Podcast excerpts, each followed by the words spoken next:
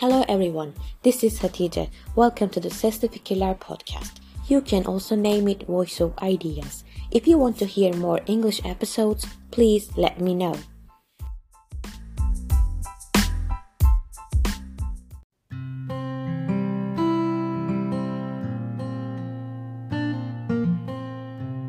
I am well aware that most of my listeners are in their mature versions of themselves, so this means a lot of work and study process in your lives.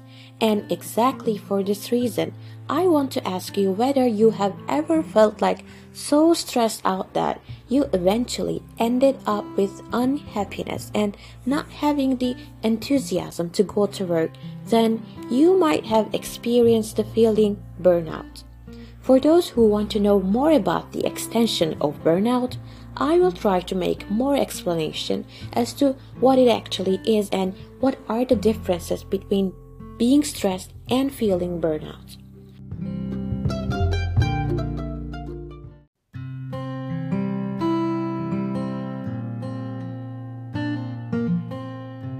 Burnout is essentially some sort of exhaustion, but it is not contained with physical exhaustion.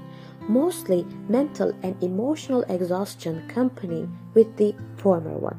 But before experiencing mental and emotional tiredness, stress makes you feel tired physically. I want to highlight that it starts to emerge in your body fatigues. But here's an important fact to experience burnout, you do have to be exposed to excessive and prolonged stress state and gradually it extends to your inner self. But this will take time. Most probably you won't even realize that it is coming. You will start getting sick for example flu very quickly since stress decreases our immune system and this results us with being sick. Here comes a quick story about myself. I'm not 100% sure yet I had gone through a similar time in the past years. While I was keeping on my studies and at the same time I was working so hard by day and night with very limited sleeping hours.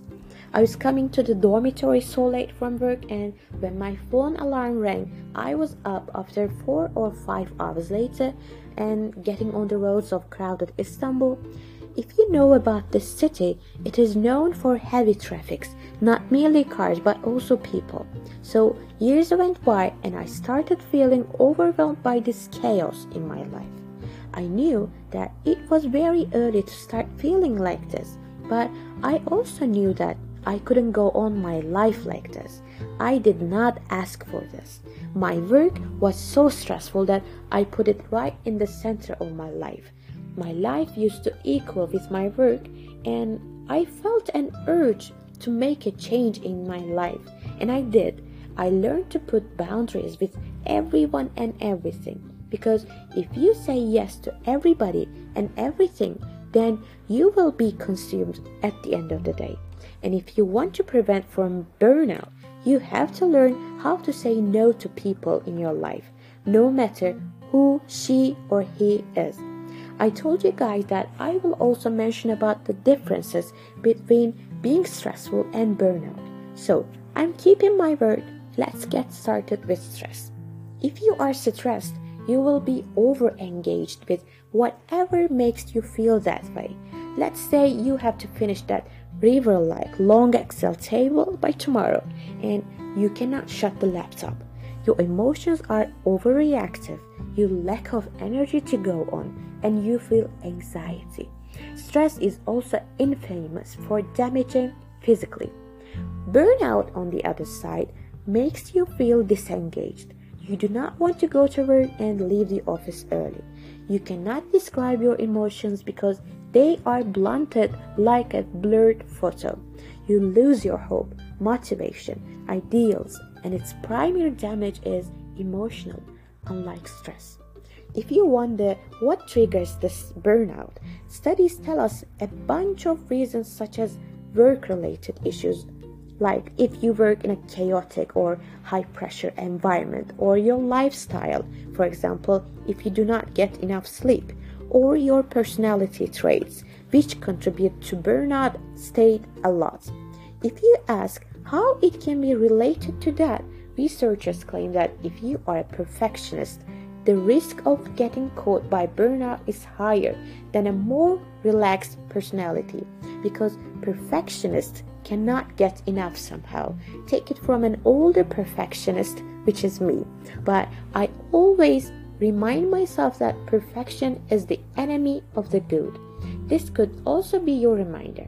If you consider yourself like experiencing burnout, here are three friendly tips for you. Watch out for the signs, seek for help, and try to manage stress source. And finally, build your resilience to stress. Try to learn how to cope with that.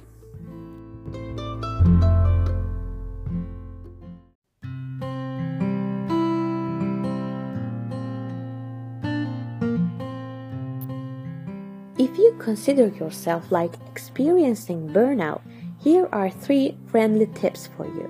Watch out for the signs, seek for help, and try to manage stress source. And finally, build your resilience to stress. Try to learn how to cope with your source. Even if you describe yourself as an introvert, try to socialize because burnout causes depression. Not all introverts are staying at home alone and please remember that people will always ask for more and workload will never get lighter. Try to find your balance in your life and I have encountered a poster which explains 888 rule and I want to explain it.